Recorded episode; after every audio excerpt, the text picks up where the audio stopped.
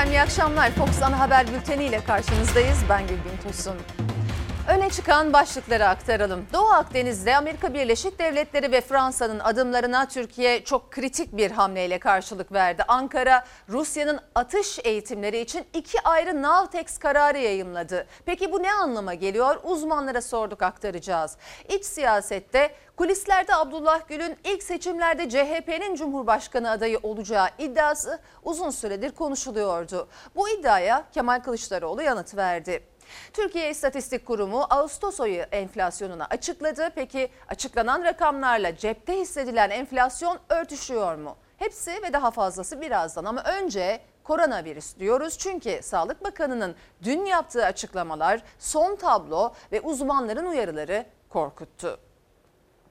Başkent Ankara koronavirüsün merkez üssü haline geldi. Sağlık Bakanı Fahrettin Koca Ankara'daki vaka sayısının İstanbul'u ikiye katladığını açıkladı. Bakan Koca net bir rakam vermedi ama sağlıkçılar Ankara'daki tabloyu korkutan rakamlar ve örneklerle netleştirdi. Uzmanlar hastanelerdeki yaşanan yoğunluğun altını çizerken CHP'nin doktor vekili Murat Emir de başkentteki bir hastanede koronavirüs testi bekleyenlerin oluşturduğu kuyruğun görüntüsünü paylaştı. Şu an Türkiye'de vaka sayısının en fazla olduğu il Ankara. İstanbul'u iki kat oranında geçmiş durumda. Ankara Türkiye'nin Wuhan'ı oldu tespiti geldi dün. Geç bir tespit ama çok yerinde bir tespit. Özetle durum kontrolden çıkmış vaziyette. Ambulanslar yer arıyor.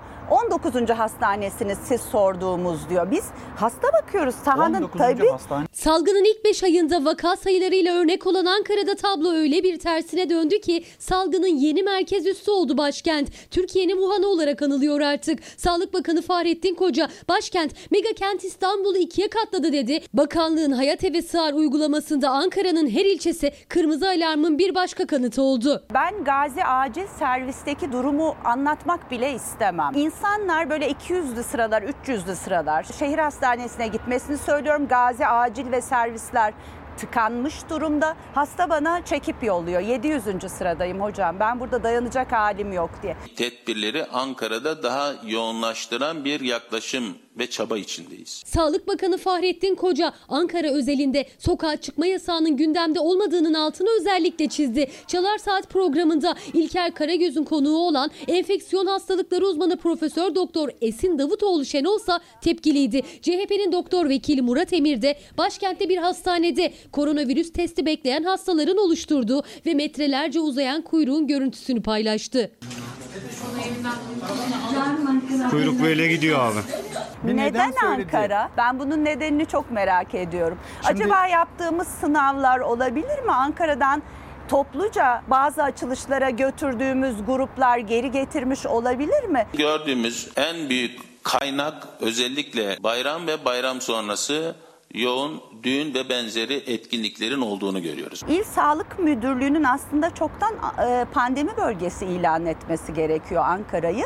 Bakan Koca'ya göre Ankara'da artan vakaların kaynağı düğün, nişan gibi toplu etkinlikler. Profesör Doktor Şenol'a göre ise kaynak her ne olursa olsun Ankara acilen pandemi bölgesi ilan edilmeli. Bakan net cümleler kurmasa da bilim kurulu gündemine gelen öncelikli başlığın 60 yaş üstü çalışanlara yönelik mesai düzenlemesi olduğunu açıkladı. 60 yaş üzeri kişilerin kuruma gelmelerini önlemek gibi Ankara özelinde bu daha yoğun bir şekilde e, gündeme alındı. İtalya'daki doktorlar feryat ediyordu. Hastaneler bir laboratuvar oldu. Hepimiz ölüyoruz diye. Biz o vaziyete düştük. Çember şöyle. Aynen bunu hissediyoruz. Buramızda cenaze ilanımızda gidip geliyoruz. Alev alev bir salgının içindeyiz. Ankara pandeminin de tartışmaların da ortak adresi. Son 24 saatte 45 kişinin daha hayatını kaybettiği koronavirüs salgınında ağır hastaların sayısı da günden güne artıyor. Sağlık Bakanı Fahrettin Koca'ya göre ise Türkiye genelinde durum kontrol altında.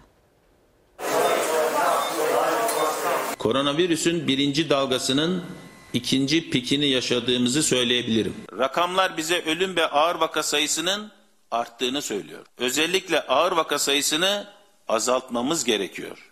Risk burada. Sağlık Bakanı Fahrettin Koca'nın risk burada dediği ağır hastaların sayısı bin sınırını aştı. 1017 kişi koronavirüs nedeniyle yaşam mücadelesi veriyor. Son 24 saatte 45 hasta daha hayatını kaybetti. Günlük vakaların sayısı ise 1596. Bakan Koca ülke genelinde durumun kontrol altında olduğunu söylese de uzmanlara göre hastanelerin kapasitesi bazı illerde alarm veriyor. Ülke genelinde durum kontrol altında. İstanbul'da, Trakya'da ve Ege bölgesinde ciddi bir artış yok. Türkiye'den gelen verilerde Konya, Güneydoğu, Doğu, e, Van gibi yerlerde çalışan arkadaşlarımızın söyledikleri rakamlar ve saha inanılmaz durumda.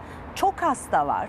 Baş etme kapasitemizi fiziksel olarak sağlıkçıların baş etme kapasitesini çoktan aştı. Sadece salgının merkezi halini alan Ankara'da değil, doğudaki illerde de yoğunluk yaşandığını söylüyor uzmanlar. Sağlık Bakanı Koca da ilk kez hızla artan vakalar nedeniyle doğudaki illerde sorunlar yaşandığını kabul etti. Güneydoğu Anadolu'da maalesef bir artış var. Mardin, Gaziantep, Şanlıurfa ve Batman gibi bazı illerimizde hızlı hasta artışına bağlı hastane sıkıntısı yaşandı. Hızlı müdahale ile sorunlar aşılmaktadır. Diyarbakır gibi bazı illerimizde yakın çalışmalarımız sürdürülmektedir. Çalar Saat'te İlker Karagöz'ün konuğu olan Profesör Doktor Esin Şenol da bireysel tedbirlerin ciddiye alınması için verilerin şeffaf bir şekilde açıklanmasını istedi. Gerçeği kabul ederek baş edilecek bir durum. Gerçeği kabul ettikten sonra da masaya yöntem koyularak baş edilecek bir durum. Sizden bir şey istiyorum bu şehrin valisi olarak. Allah rızası için dışarıya çıkmayın. Ne söyleyebilirim başka? İdari işlem yapmaktan haya ediyoruz. Yani bile bile pozitif olduğunu bilen bir kardeşimiz kendi sağlığını düşünmüyorsa bundan daha büyük bir kul hakkı nasıl olabilir ya? İstanbul Valisi Ali Yerlikaya da koronavirüs teşhisi konulmasına rağmen karantinada kalmayanlara seslendi. Allah rızası için dışarı çıkmayın dedi. Kontrollerse devam ediyor. İçişleri Bakanlığı'nın toplu ulaşımda %50 kuralını kaldırmasından bu yana özellikle minibüs ve otobüslerde büyük yoğunluk yaşanıyor. Yine fazla yolcu taşıyanlara ceza kesildi. 81 ilde kapsamlı maske ve mesafe denetimi ise cuma günü gerçekleştirilecek. Daha önce 14 ilde uygulanan düğün kısıtlaması İçişleri Bakanlığı kararıyla 81 ile yayıldı. Yemeksiz, danssız düğünlerin süresi 1 saatle sınırlandırılınca peş peşe iptaller gelmeye başladı. Zaten zorda olan sektör çalışanlarının geçim endişesi daha da arttı. Bütün Türkiye'de düğünlerle ilgili e, organizasyonun daha çok nikah tarzında olması, yemekli bir organizasyon tarzında olmaması, nişan, kına gibi etkinliklerin Türkiye çapında yapılmaması şeklinde bilim kurulumuzun da bir önerisi oldu. Sünnet düğünleri dahil olmak üzere. Her şey normal devam ederken niye düğünler bir tek iptal oluyor? Sağlık Bakanı'nın açıklamasının hemen ardından İçişleri Bakanlığı 81 ile genelge gönderdi. Daha önce 14 ilde uygulanan kısıtlamalar Türkiye'nin tamamında geçerli artık. Sokak düğünü, kına gecesi, nişan ve sünnet düğünü yasak. Nikah şeklinde yapılacak düğünler ise en fazla bir saat sürebilecek. Yani yemekli, danslı düğünlerde yasak. Metrobüsler hani dolu dolu giderken, e, stadyumlarda maçlar tekrar seyircili oynanması gibi şeyler konuşulurken neden sadece e, düğün sektörü göze batıyor? Düğün, kına gibi organizasyonlar 81 ilde yasaklanınca düğünler için iptaller de peş peşe gelmeye başladı. Çiftler gelen konuklarına ikramda bulunamayacaklar. Yalnızca kapalı şişelerde su servisi yapabilecekler. Bunun dışında da müzik, dans gibi etkinlikler düğünlerde artık olmayacak. Çoğu düğün sahibi bu şekilde düğün yapacağını yapmamayı tercih ediyor. Bu işin bu raddeye gelmesindeki en büyük sebep sokak düğünleridir. En büyük sebep kontrolsüzce yapılan organizasyonlardır. Tam da kararın açıklandığı saatlerde yine Antalya'dan geldi sosyal mesafesiz düğün görüntüleri. Amaç da bu sorumsuzluğun önüne geçmek ama çarşamba gecesi duyurulan kısıtlama cumadan itibaren uygulanacak. Düğün salonları, organizatörler zaten aylardır duran sektör adına endişeli. İki kere düğün erteleyenler var. Düğün aslında zincirleme olarak pek çok sektöre etki ediyor. Fotoğrafçılar var. Bizim gibi baskı laboratuvarları var. Organizasyon şirketleri var. Garsonundan tutun orkestrasına kadar. Ya pek çok görülmeyen sektöre hitap ediyor. Birol Arslan da 16 yıldır düğün albümleri hazırlıyor. 1 Temmuz'dan önce zaten düğünler yasaktı. Sonrasında da işleri %70 düştü. Borçları katlandı. Düğün olmaması demek bizim işimizin zaten direkt durması demek oluyor. Elimizdeki işi bitirir muhtemelen kapatmayı düşünebiliriz. Birçok çiçekçi arkadaşımız mezatlarını yaptılar ve o çiçekler kesildi.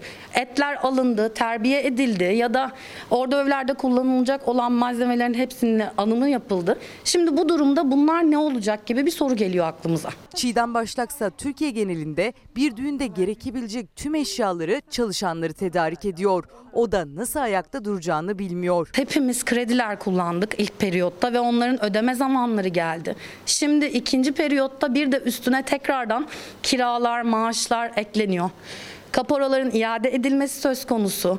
Ee, en azından devletimizden, hükümetimizden bunlarla ilgili bir destek bekliyoruz.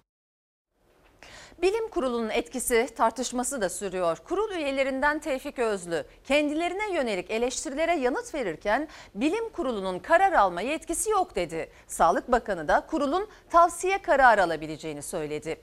Bilim kurulu üyelerine meslektaşlarındansa eleştiri var. Profesör Doktor Esin Davutoğlu Şenol bilim kurulundakiler gerçekleri söylemedi. Gerçekleri söyleyenlerin sesinin duyulmasını engelledi diyor.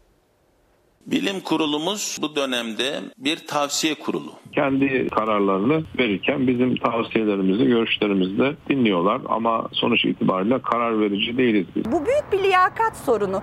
O zaman durmasaydınız orada da meşgul etmeseydiniz, oyalamasaydınız oraları. O zaman belki benim sesim duyulabilecekti. Belki benim gibi gerçekleri söyleyen insanların sesleri duyulacaktı. Bilim Kurulu üyesi Profesör Doktor Tevfik Özlü'nün yetkimiz yok açıklamasıyla başlayan Bilim Kurulu'nun etkinliği tartışmasına Sağlık Bakanı Fahrettin Koca da karar verici değil tavsiye kurulu dedi. Kurulda olmayan enfeksiyon hastalıkları uzmanı Profesör Doktor Esin Davutoğlu Şenol karar alma yetkimiz yok diyen meslektaşlarını eleştirdi. Beni bağışlasınlar ya da ben onları bağışlayayım. Bütün ekranlar onlara ayrıldı ve farklı mercilerde o ünvanı bir nişan gibi taşıdılar. Bilim kurulumuz bu dönemde karar süreçlerimizde rehberlik yaptı. Bazen tavsiye, zaman zaman da uyarılarını yaptı. Yol gösterici oldu. Olayı hafifletecek bir takım söylemlerde bulundular. Duymak isteneni söylediler.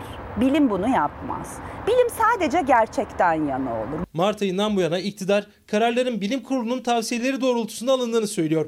Vaka sayılarının artmasıyla yeni tedbir beklentileri konuşulurken bazı sorulara yanıt aranırken bilim kurulu üyesi Tevfik Özlü kurulun yetkisine dair bir açıklama yaptı. Niye şunu şöyle yapmadınız, niye bu kararı almadınız, niye şunu kararı aldınız, niye bunları serbest bıraktınız filan gibi soruyorlar. Oysa hani e, bizim öyle bir yetkimiz yok. Bugüne kadar bilim kurulumuzun almış olduğu tavsiye kararlarını uygulama noktasında bir gayret içinde olundu. Bilim kurulunun karar verici olmadığı bu anlamda söylenmiş bir cümle. Bakan da karar yetkisinin siyasi iradede olduğunun altını çizdi ancak Profesör Doktor Esin Şenol ise meslektaşlarının salgın sürecinde yaptığı açıklamaları hatırlattı. Şu anda bulundukları pozisyon itibariyle onların doğru konumda olmadığını düşünüyorum.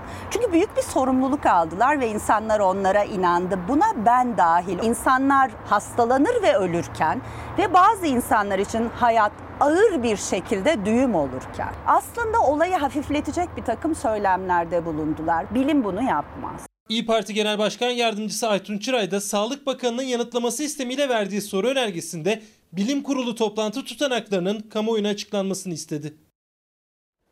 Ali Babacan'dan sonra Binali Yıldırım da koronavirüse yakalandı. Binali Yıldırım ve eşi Semiha Yıldırım'ın testleri pozitif çıktı. Tedavileri evlerinde sürüyor.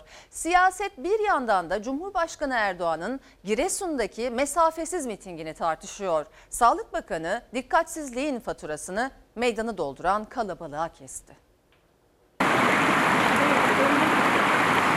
Vücut kırgınlığı nedeniyle bu sabah Semiha Hanım'la birlikte Ankara Şehir Hastanesi'ne başvurduk. Yapılan tetkikler sonucu COVID-19 testimizin sonucu pozitif çıkmıştır. Daha iki gün önce Erzincan Karasu Nehri'nde rafting yaparken görüntü vermişti Binali Yıldırım. Kendisinin ve eşinin COVID-19 testinin pozitif çıktığını duyurdu. Eski Başbakan ve AK Parti İzmir Milletvekili Binali Yıldırım memleketi Erzincan'daydı. Rafting yaptı. Bir bota 7 kişiyle birlikte bindi. Kimi zaman maskeliydi, kimi zaman maskesiz. Bu görüntülerden iki gün sonra vücut kırgınlığı şikayetiyle hastaneye gitti. Korona testi yapıldı Binali Yıldırım'a da eşine de. Testleri pozitif çıktı. Yıldırım çiftinin evde karantinaya girmeden önce hastaneden çıkışlarına dair anı Sağlık Bakanı Fahrettin Koca paylaştı. Durumumuz iyi. Herhangi bir olumsuzluk yok. Doktorlarımız süreci evde geçirmemizi uygun gördüler. Sayın Binali Yıldırım'a ve değerli eşi Semiha Yıldırım Hanım'a geçmiş olsun diyor. Acil şifalar diliyorum. Rafting etkinliği gerçekleştirdik. Müthiş, heyecan verici bir şey. Binali Yıldırım Bey ve kıymetli eşi Semiha Hanım'a acil şifalar diliyorum. Bu süreci en kısa sürede atlatacaklarına inanıyorum. Dualarımız sizinle. CHP lideri Kemal Kılıçdaroğlu da Binali Yıldırım'ı arayarak geçmiş olsun dileklerini iletti. Binali Yıldırım ve eşinin tedavisi evde sürecek. Deva Partisi lideri Ali Babacan'ın tedavisi ise hastanede devam ediyor. Rize'nin keyif çaylarından onlara ikram edin. Cumhurbaşkanımız da son derece bir hassasiyet ve gayret içinde olduğunu hepimiz biliyoruz. Bizim vatandaş olarak özellikle maskesiz dışarıda olmamamız, mesafe ve temizliğe de aşırı özen göstermemiz gerektiğinin altını bir kere daha çizmek istiyorum. Önlemleri bıraktılar. Suçlu kim? Vatandaş. Sen izin veriyorsun. Cumhurbaşkanı Erdoğan'ın Giresun'da yaptığı mitingde koronavirüs gündeminin önemli parçası. Sağlık Bakanı Fahrettin Koca'ya soruldu mesafesiz miting. Topu vatandaşa attı. Maske, mesafe ve hijyen noktasında Sayın Cumhurbaşkanımız da son derece hassasiyet ve gayret içinde olduğunu hepimiz biliyoruz. Sağlık Bakanı'nın bir saygınlığı vardı. Kendi saygınlığını törpüledi büyük ölçüde. AK Parti sözcüsü Ömer Çelik olağanüstü durumda oluşan fiili durum derken Sağlık Bakanı Giresun'da mitingde yaşanan görüntüler için kurallar yer yer ihlal ediliyor diyerek vatandaşı uyardı. CHP lideri Kılıçdaroğlu ise açıklanan koronavirüs tablosunun gerçek rakamları yansıtmadığını söyledi. Bir devlet vatandaşına yalan söylemez. Bilgi veriyorsanız çarpıtmayacaksın. Verilen rakamlar konusunda herkesin endişesi var. Doğu Akdeniz'e geçiyoruz. Tansiyon orada yükselirken Türkiye'den kritik bir hamle geldi.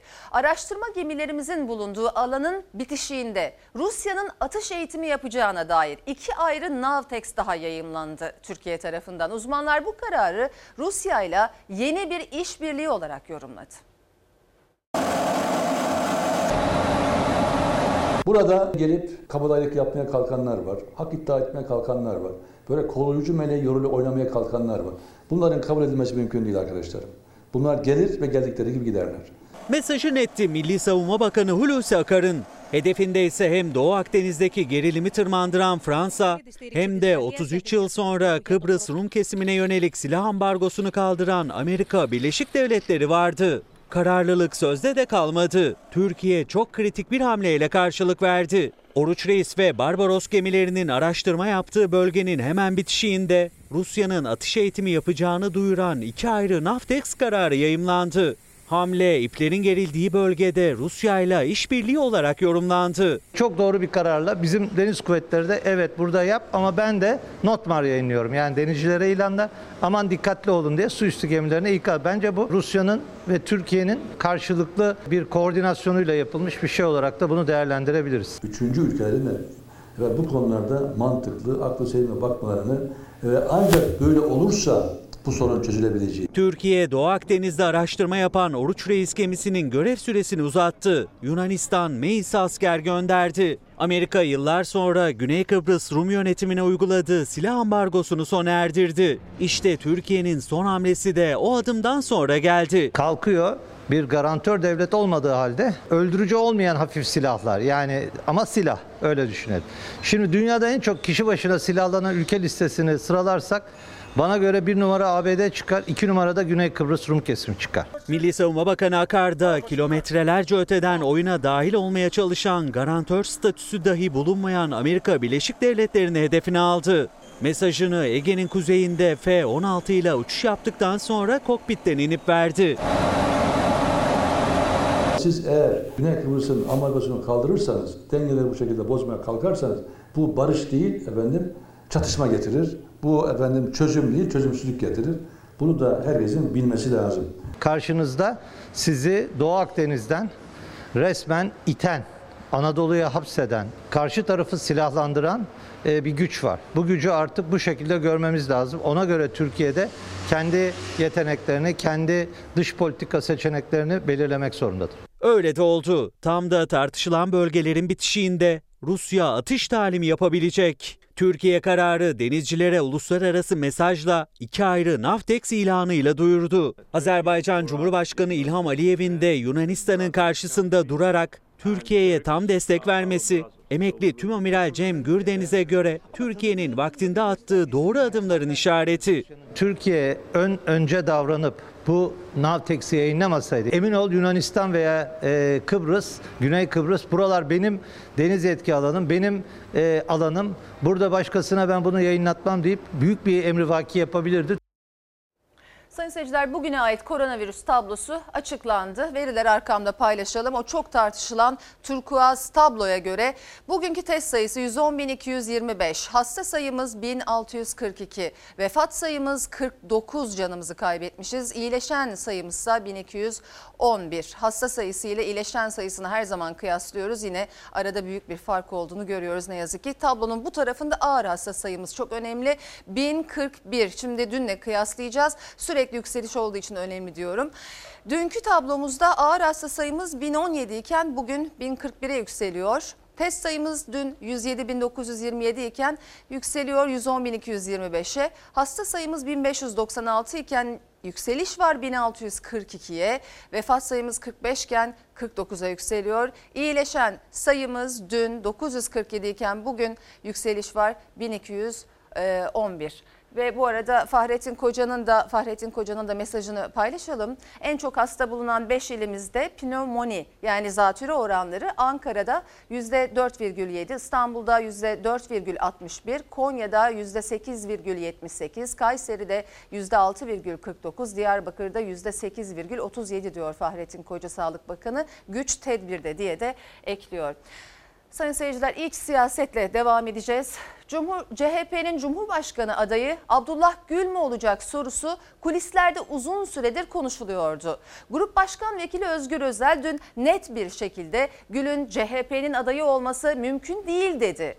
Bu soru bugün Kemal Kılıçdaroğlu'na da soruldu. Kılıçdaroğlu isimler üzerinden konuşmadı, adaylarını ittifakla belirleyeceklerini söyledi. Sistem tartışması da devam etti seçimlere var. 2023'te olacak diyorlar. Bugünden 2023'ün efendim Cumhurbaşkanı adayı kim olacak tartışmasına gerek var mı?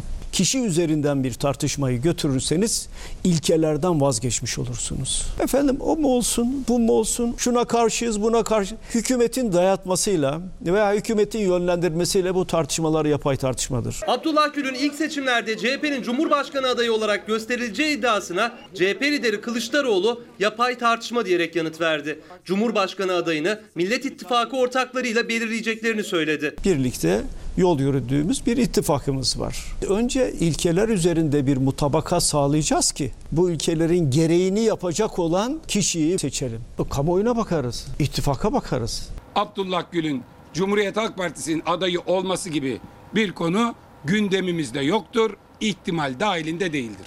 Bu haberleri kesin bir dille yalanlıyoruz. Olası erken seçim tartışmalarıyla birlikte CHP'nin de Cumhurbaşkanı adayı kim olacak sorusu sık sık gündeme getiriliyor. Ortaya atılan Abdullah Gül iddiasını önce Özgür Özel yalanladı. Kılıçdaroğlu da gereksiz tartışma dedi. Cumhur İttifakı'nın Abdullah Gül isminden çekindiğini söyledi. Abdullah Gül'ün ismi olunca ki korkuyorlar. Ya neden korkuyorsunuz? CHP liderine Mansur Yavaş ve Ekrem İmamoğlu da soruldu. Kılıçdaroğlu önemli olan ilkeler yanıtını verdi. Sistem değişikliğinin öncelikleri olduğunun altını çizdi. Demokratik parlamenter sisteme dönüş yapmak istiyorsunuz. Tek adam rejimi değil. Bunları bir tarafa bırakıyoruz. Cumhurbaşkanı adayı kim olacak? Absürt bir tartışma. Bakanlar milletvekillerini ciddiye almıyor. Bürokrat milletvekillerinin telefonuna çıkmıyor. Sistem Türkiye Büyük Millet Meclisi'ndeki milletvekillerine karşı itibar erozyonu yaratmıştır. Bundan dolayı diyorum ki parlamenter sistem ayak sesleri duyuluyor. Cumhurbaşkanlığı hükümet sistemi için oy isteyen eski MHP'li Cemal Engin da parlamenter sistem dedi. CHP lideri ise ilk seçimde Millet İttifakı'nın bir numaralı vaadinin parlamenter sisteme geçiş olacağını söyledi. Onlar da demokrasi istiyor, ben de demokrasi istiyorum. Onlar da cumhuriyeti demokrasiyle taşlandıracağız diyorlar. Ben de aynı şeyi söylüyorum. Önerimizde iyileştirilmiş, güçlendirilmiş parlamenter sisteme geçiş. Yeni yönetim sistemimiz herkesin kendi işine odaklanmasını sağladı. Önümüzdeki seçim bir siyasi parti seçimi değil, sağ sol seçimi değil. Demokrasiden yana olanlar, totaliter rejimden yana olanlar. Vatandaş istiyorsa onu tercih etsin. Cumhur İttifakı Cumhurbaşkanlığı hükümet sistemini savunuyor. Millet İttifakı parlamenter sisteme dönüş için çalışıyor. 2023 öncesi bir erken seçim olur mu bilinmez ama seçimin en sıcak gündeminin sistem tartışması olacağı kesin. Tele1 televizyonu dün gece itibariyle 5 gün süreyle karartıldı. Radyo Televizyon Üst Kurulu'nun verdiği ceza nedeniyle yayınına 5 gün süreyle ara veren Tele1'e muhalefetten destek açıklamaları geldi. Ve evet işte ka- karartılıyoruz ama Evet. susmayacağız. Hoşçakalın. Canlı yayında saatler gece yarısı 12'yi gösterdiğinde Tele1 televizyonun ekranı 5 gün süreyle işte böyle karardı. Siyasetten tepkiler de peş peşe geldi. Özgür basını susturunca ekonomi düzelmeyecek, kanalları kapatınca vatandaşın derdi geçmeyecek. İktidarın bağımsız medyaya yönelik bu tutumunu basın ve ifade özgürlüğüne yönelik evrensel bir hak ihlali olarak değerlendiriyoruz. Herkese çok teşekkür ediyorum ben. Bütün dayanışma gösteren dostlarımıza, gazeteci arkadaşlarımıza ve izleyicilerimize. 30 Nisan ve 24 Mayıs 2020 tarihlerinde yayınlanan haber bültenlerinde Diyanet İşleri Başkanlığı'na yönelik kullanılan ifadeleri yayın ihlali olarak değerlendirdi Radyo Televizyon Üst Kurulu. Dil, din, ırk, mezhep gözeterek halkı kim ve düşmanlığa sevk ediyor diyerek 5 gün süreyle kapama cezası verildi Tele1 televizyonuna. Tele1'i susturmaya çalışıyorlar. Tele1 cezaya itiraz etti. Mahkeme yürütmeyi durdurma kararı verdi. Ancak üst mahkeme bu kararı iptal edince gece yarısı Tele1 ekranı karardı. Ve evet işte ka- karartılıyoruz ama susmayacağız. Ulusal yayın yapan bir kanala tarihte bu boyutuyla verilen bu ilk ceza iktidarın sansürcü ve baskıcı tutumunun kanıtıdır. Liderlik susturmakla değil kulak vermekle olur. Sorunları saklamakla değil çözüm üretmekle olur. İyi Parti lideri Meral Akşener isim vermeden Cumhurbaşkanı Erdoğan hedef aldı. Eski MHP'li vekil Cemal Engiyurt da demokratik bir ülkede ekran kararmaz diyerek tepki gösterdi. Muhalif kanal diyebilirsiniz, fikirlerini beğenmeyebilirsiniz. Lakin ekran karartmak hiç de hoş görüntü değildir. TL1 siyasi olarak bana çok uzaktır. Fakat herkesin konuşma hakkı vardır. Hakaret etmedikçe. 5 gün süreyle yayını durdurulan Tele1 televizyonu 8 Eylül tarihinden itibaren yeniden izleyicisiyle buluşacak. Sayın seyirciler annelerin Diyarbakır'da HDP il binası önünde başlattığı evlat nöbeti birinci yılını doldurdu. Bir yılda 16 aile evladına kavuştu. Nöbetin yıl dönümünde aileler yine kararlılık mesajları verdi. Benim oğlum için geldim. Rica ediyorum benim çocuklara gönder. HDP gönder. 5 ay çaresizim. Evlat nöbetinde bir yıl geride kaldı. 16 ailenin evlat hasreti son buldu. Nöbetin yıl dönümünde Akkuş ailesi de oğullarının teslim olduğu ve yakında kavuşacakları haberini aldı. Senin çocuğu kaçtı. Teslim oldu dedi. Bana müjde verdi. Diyarbakır'da bir yıl önceydi anne Hacire Akar evladının HDP tarafından kaçırıldığını söyleyerek il binası önünde eyleme başladı. İki gün sonra da evladına kavuştu. Hacire annenin kararlı mücadelesine örnek alan 3 aile 3 Eylül 2019'da HDP il binası önünde evlat nöbeti başlattı. Eylem yaz, kış, salgın demeden sürdü. Annelerin evlat nöbetine destek çığ gibi büyüdü. Siyaset, sanat dünyası, sivil toplum örgütleri aileleri ziyaret etti. Bizim çocuklarımız zorla dağda. Biz Onlarınki de Avrupa'da, Fransa'da buyurun. Baskıya dayanamayan HDP il binasını kapatmak zorunda kaldı. Bir yılın sonunda 16 aile yıllar süren hasretin ardından evladına kavuştu. Eyleme katılan aile sayısı 151'e yükseldi. Anneler, babalar, kız kardeşler derken aileler birbirlerine destek oldu. Evladına her kavuşan aile sevincini diğer annelerle paylaştı. Evlat nöbetinin yıl dönümünde aileler yine kapatılan HDP binası önündeydi. Grup Türk bayrakları açtı, basın açıklaması yaptı. Yeter artık ne zamana kadar bu HDP çocuklarımızı birbirine düşman edecek, katledecek. Yeter bitsin diyoruz, edibas ediyoruz. Yurdun dört bir yanından gelen anneler umutlu bekleyişlerini sürdürdü. Muş Bulanık'tan gelen anne Rabia Baykara 7 yıl önce 18 yaşında kaçırılan oğlunun geri dönmesini istedi. Benim oğlum için geldim. Rica ediyorum benim çocuklara gönder. HDP gönder. 5 ay çaresizim. Aileler evlatlarına kavuşuncaya kadar eylemlerini sürdürmekte kararlı. Sakarya'da bir tarikatın liderliğini yapan Fatih Nurullah Takma adlı Eyüp Fatih Şaban 12 yaşındaki bir çocuğa cinsel istismarda bulunduğu iddiasıyla tutuklandı. Tarikat liderinin tutuklanmasının ardından Diyanet İşleri Başkanlığı da bir açıklama yaparak masum yavrularımıza uzanan şeref yoksunu, hain ve zalim ellerle mücadele etmek hepimizin vazgeçilmez görevidir dedi. Saçımızı sakalımızı artıracağız elhamdülillah. Çocuk istismarıyla masum yavrularımıza uzanan şeref yoksunu hain ve zalim ellerle mücadele etmek hepimizin vazgeçilmez görevidir. 12 yaşındaki kız çocuğunu taciz suçlamasıyla tutuklanan tarikat lideri Fatih Nurullah hakkında Diyanet'ten açıklama geldi. Şeref yoksunlarıyla mücadele hepimizin görevi diyen Diyanet'in din istismarı vurgusu da dikkat çekti. İlim ve irfanla alakası olmadığı halde kendilerine menfaat devşiren din istismarcılarına karşı da aziz milletimizi bir defa daha uyarıyoruz. Sakarya'nın Akyazı ilçesinde yaşayan kendisini Fatih Nurullah Takma adıyla Uşaki isimli tarikatın lideri olarak tanıtan 58 yaşındaki Eyüp Fatih Şaban iddiaya göre müritlerini kabul ettiği yazlıkta anne ve babasıyla birlikte gelen 12 yaşındaki kız çocuğuna cinsel istismarda bulundu. Cinsel taciz olayından daha sonra haberdar olan küçük kızın babası şikayetçi oldu. Geçtiğimiz perşembe günü jandarma dergaha baskın yaptı. Tarikat lideri Fatih Nurullah gözaltına alındı. Çıkarıldığı mahkemede küçük yaştaki çocuğa cinsel istismar suçlamasıyla tutuklandı. Hem dini duygu ve değerlerimizin hem de göz bebeğimiz olan çocuklarımızın istismara karşı korunması için herkesi sorumluluk almaya davet ediyoruz. Bugüne kadar çocuğa cinsel istismarda muhalefetin sessiz kalmakla eleştirdiği Diyanet İşleri Başkanlığı da tarikat liderinin cinsel istismar suçundan tutuklanması sonrası açıklama yaptı. Çocuk istismarına karşı sorumluluk mesajı paylaştı Diyanet. Çocukları korumak hepimizin görevi dedi. Sayın seyirciler TÜİK'in açıkladığı Ağustos ayı enflasyonu geçen seneden de geçen aydan da çok farklı değil. Oysa koronavirüs günlerinin çarşıya pazara pahalılık etkisini çok yakından hissediyor tüketici. Maaşları da günden güne eriyor. Aylık enflasyon tıpkı geçen sene Ağustos ayında olduğu gibi %0.86, yıllık ise %11.77'ye geldi. Geçtiğimiz senede bu senede e, aynı enflasyon rakamlarıyla karşı karşıya kalmamız tesadüf mü bilmiyorum. TÜİK Ağustos ayı enflasyonunu açıkladı. Aylık artış geçen yılın aynı dönemine göre aynı %0,86. Yıllık enflasyon da geçen aya göre çok değişmedi. %11,77 geldi. Oysa hem tüketiciye hem de uzmanlara göre fiyatlardaki artış geçen yıla göre de geçen aya göre de çok daha yüksek. Hayatta değil. Ya siz şöyle baksanız ayrı mı acaba? Mümkün değil yani.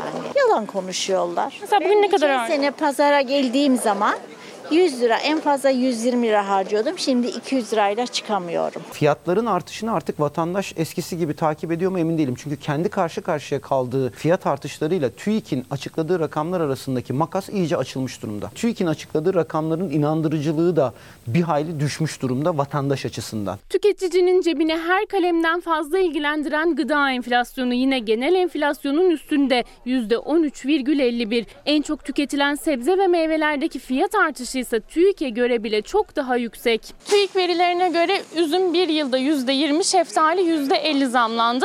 İstanbul'da ortalama bir semt pazarında üzümün kilosu 6-7 lira, şeftalinin kilosu ise 7 lira civarında. TÜİK'e göre dolmalık biber %30, taze fasulye %20 zamlandı. Yani dar gelirliği asıl etkileyen ürünler enflasyonun çok üzerinde pahalandı, maaşlar eridi. Aldığınız zam enflasyon karşısında ne durumda?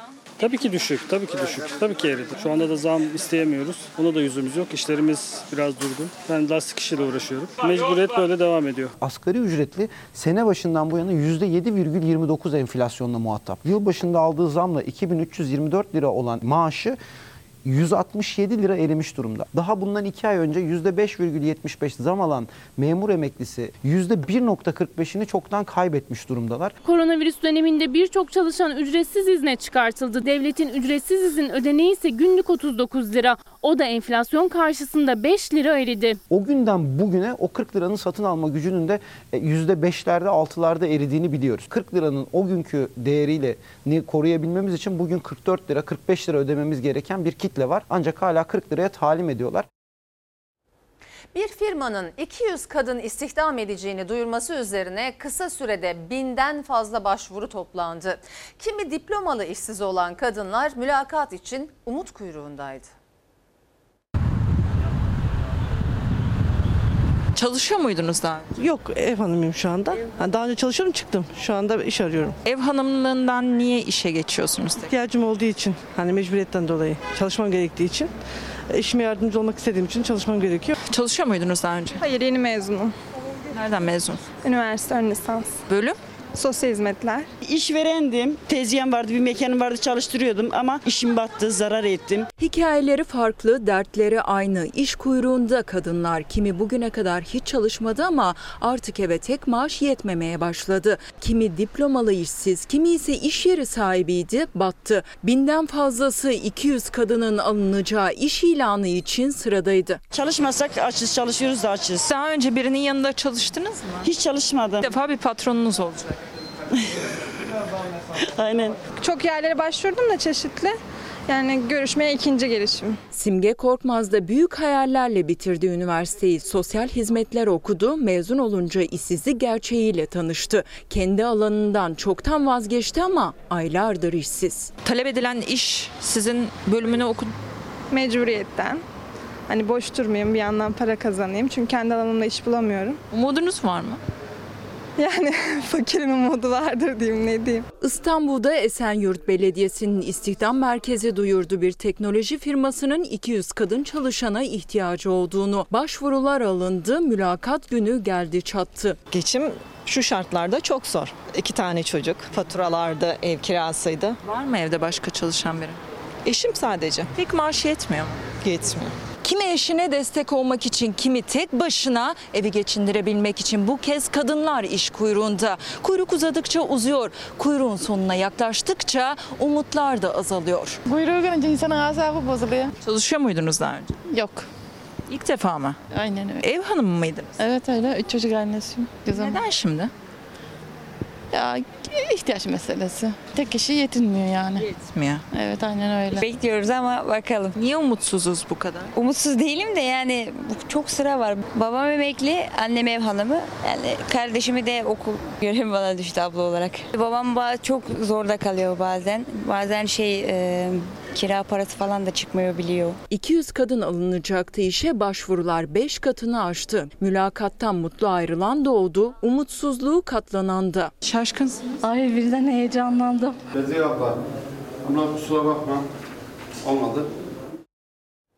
İstanbul Üsküdar'daki tarihi çarşı Vakıflar Genel Müdürlüğü'ne devredilince yarım asırlık esnafın dükkanlarına kilit vuruldu. Tahliye sırasında gözyaşı dökenler oldu. İşte çocuğu. Lütfen dışarı çıkın. Ben gidene kadar dışarı çıkın. Baskı yapmayın bu kadar insanlara. İnsan olmaktan utanıyorum. Biz bunları hak etmedik. Yani bu muameleyle gitmek istemedik. Biz zaten toparlandık gideceğiz ama bize bu zulmü niye yaptılar? Ben utandım yani. İnsan olduğumdan utandım. Bunu hak etmedim ben. Yıllarını, emeklerini verdikleri ekmek teknelerine gözyaşlarıyla veda ettiler. Mimar Sinan'ın eseri olan tarihi çarşı Vakıflar Genel Müdürlüğü'ne devredilince yarım asır sonra iş anını tahliye etmeleri istendi. Salgın döneminde zaten işi duran esnaf süre istedi ama seslerini duyuramadılar. Dükkanlarının kapısına kilit vuruldu. Hemen solundaki dükkan bir gelinlikçiydi. Onun hemen yanında bir ayakkabıcı vardı. Burada da bir çantacı. Şimdi bu dükkanlar bomboş. Esnaf taşınacak yeni bir iş yeri bile bulamadan dükkanlarını boşaltmak zorunda kaldı. Yeni bir yer bulabildiniz mi peki? Hiçbir yer yok. Hiç kimse de bir yer bulamadı. Zaten esnaf zor durumdaydı. Bütün arkadaşlarımızın 35-40 yıllık emekleri gitti. İstanbul Üsküdar'da özel mülk olan çarşı Vakıflar Genel Müdürlüğü'ne devredildikten sonra esnafın da zor günleri başladı. 11 Şubat'ta ilk tahliye emri geldi esnafa. Mahkemeye gidip yürütmeyi durdurma kararı aldırdılar. Ama karar salgın döneminde kaldırıldı ve esnafa işgalci olduklarına dair yeni bir tebligat gönderildi. Kamulaştırıldı. Bizi işgalci olarak gördüler. Hiçbir yetkili, hiçbir kurum bize muhatap olmadı. Bize bir haber vermedi. Kolay mı? Yani 30 yıldır, 30 küsür yıldır ben buradayım. Kolay değil tabii. Bu böyle olmamalı. Bir sene zaman istedik. Vermediler. Ee, buranın hızlı bir şekilde meydan projesi olacağını söylediler. Çaresiz kalan esnaf dükkanını boşaltmaya başladı ama süre kısıtlıydı. Kaymakamlığın emriyle belediye personeli sabahın ilk saatlerinde kapıya dayandı. Tahliye işlemini başlattı. Üsküdar'daki tarihi Mimar Sinan Çarşısı şu anda Üsküdar Belediyesi personeli tarafından tahliye ediliyor. Esnaf zaten kendi dükkanını boşaltmıştı ama kalan son dükkanlarda şu anda içindeki eşyalar boşaltılarak tahliye edilecek. 40 yıllık iş yerleri sadece birkaç saat içinde kamyonlara dolduruldu. Mimar Sinan Çarşısı sessizliğe büründü. Esnaf sadece nereye gideceğini değil, Vakıflar Genel Müdürlüğü'ne devredildikten sonra katlanan kiraların borcunu nasıl ödeyeceğini de kara kara düşünüyor. Normal emsal bedelde kira ödüyorduk. Geldiler, vakıf kamulaştırdı geldi. Bize 3 katı 5 katı kira bedeli biçerek işgalci olarak devam etmemizi söylediler. 3 ay çarşımız kapalı kaldı. Pandemi dönemindeki kirayı dahi istiyorlar. İhale sonradan yapıldı. Sonradan- devlet modeli mi? 50 Arkadaşlar biz şu anda şu- İsmi bekliyor muydunuz? Numan Bey, kısa bir sorumuz olacak. İddialar var. Doğru mudur efendim? Sayıştay raporları ile ilgili bir sorumuz olacaktı. SGK Havasına, suyuna, taşına, toprağına. Barış Kaya Fox TV birkaç tane şehit ifadenize muhalefet tepki gösteriyor efendim. Fox önce gazete olsun. Erken genel seçim değil mi efendim? Yanlış anlamadım. Siz Fox olarak hiçbir şeyi doğru anlamıyorsunuz. Sizin sorunuza da cevap vermek istemiyorum. Usandırdınız artık. Beril Oğuz e, Fox televizyonundan Kırmızı Bülten'de aranan e, Abdullah Öcalan'ın kardeşi Osman Öcalan'ın devlet televizyonunda TRT'ye verdiği röportajı nasıl değerlendiriyorsunuz efendim? Doğrusu ben Osman Öcalan'ın kırmızı bültenle arandığını bilmiyorum. Haberciliğin birinci şartı soru sormak. Bir sorumuz olacak. Hayır, Proje hayır, okullarla hayır, ilgili. hayır, hayır, hayır, hayır, hayır. Biz de ona diyoruz ki Sayın Bakan evet evet evet evet projenin sınıfta kaldı. Veteriner yazıyor mu? Burada var mı veteriner? Veteriner şu an burada yok. Niye sıkışıyorsunuz? El sıkışmak yasak aslında. Cesaretle hiç vazgeçmeden. Sayın Bakanım, Semih Hasan. Müsaade edin şu toplantıyı. Sayın Bakan, Sayıştay raporları ile ilgili bir sorumuz olacaktı. SGK raporu hazırlandı. Bir yanıtınız olacak mı? Bakanım aklıma bir soru takıldı. Dünden beri çok yürürken ama. çalışma Bak şu anda kepçeler orada duruyor. Fox habercileri yıllardır halkın merak ettiklerini halk adına sorabilmek için sahada. Şu anda- Yaptığınız şu anda açıklamaya müsaitim. istinaden Sonra, e, sonra. devlet modeli mi daha uygun otoyol ve köprüler için? Pardon bir dakika. Cevap veriyor bakan. Numan Bey, kısa bir sorumuz olacak. Salona geç. Şu anda Beyefendi ne yapıyorsunuz? Ne yapıyorsunuz? Ne yapıyorsunuz? Kılıçdaroğlu'nun bana ismini aklındaki adı söylemişti dediğiniz isim. Yok esasında şimdi öyle bir şey yok da. Beşten sonra da alacaklar mı evrak? Bir onu sorar mısınız? Hanımefendi 5'ten sonra alınacak mı evrak? Hayır, 5'e kadar evrak alacak. Gerçekler ortaya çıktı. Duyulamayanlar, görülemeyenler Fox kamerası ve mikrofonuyla milyonlara ulaştı. Uzarsa işi karıştıracağız. En azından kapattım böyle. Kars'ta kanser hastaları da mağdur. Kars'tan Bursa 6 ayda bir Bursa'ya götürüyorum. Yaptığım haberleri de cesur bir haber merkezinde Doğan Şentürk yönetimindeki Fox Haber'de çalıştığım için de ayrıca çok şanslıyım. Bir sorumuz olacaktı bizim. Geçtiğimiz günlerde Et Süt Kurumu bir ihale açtı. Bir gün süreyle 300 liralık bir et. Çok özür dilerim. Çok üzüldüm. Çok üzüldüm Sayın Bakanım. Ay bakan dinlerken araya giriyorsunuz. Bunlar çok ıvır zıvır işler. 100 bin liralık ihale. Ne olacak? Ama ihale sonradan yapıldı diyor. Sonradan yapılsa ne olur? Bu sizin yaptığınız gazetecilik değil maskaralıktır. Fox Haber deneyimli, cesur, vicdanlı, bağımsız kadrosuyla ve Türk halkından aldığı güçle perdeleri açmaya devam ediyor. En büyük ödülün gerçeklerin ortaya çıkması olduğunu bilerek ilkelerinden hiç vazgeçmeyerek Terör örgütü olarak da görmüyorsunuz. Şimdi bu klişe soruları bence Evet. bir tarafa bırakalım. Siz bunu okuduğunuzda doğrudur dediniz mi? Evet. Yani Erdoğan şunu çağırmıştır, bununla görüşmüştür. Yok yani özel bir tahminde bulunmak istemiyorum ama doğrudur yani. Ben Selçuk Tepeli. Fox Ana Haber'de haberin kalbindeyiz. Hafta içi her akşam 19'da Fox Ana Haber'de beraberiz. Buradayız. Vicdanınızın sesiyiz. Aklınızdakileri soruyoruz.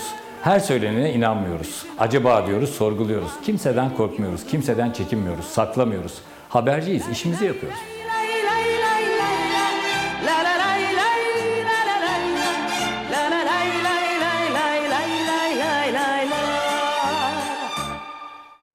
Şimdi ara zaman. Efendim Fox ana haber bültenini burada noktalıyoruz. Fox'ta yayın televizyonda ilk kez yayınlanacak olan Türk sineması 7. koğuştaki mucizeyle devam edecek. İyi bir akşam geçirmenizi diliyoruz. Hoşçakalın. Her köşesi cennetin ezilir yerler için bir başkadır benim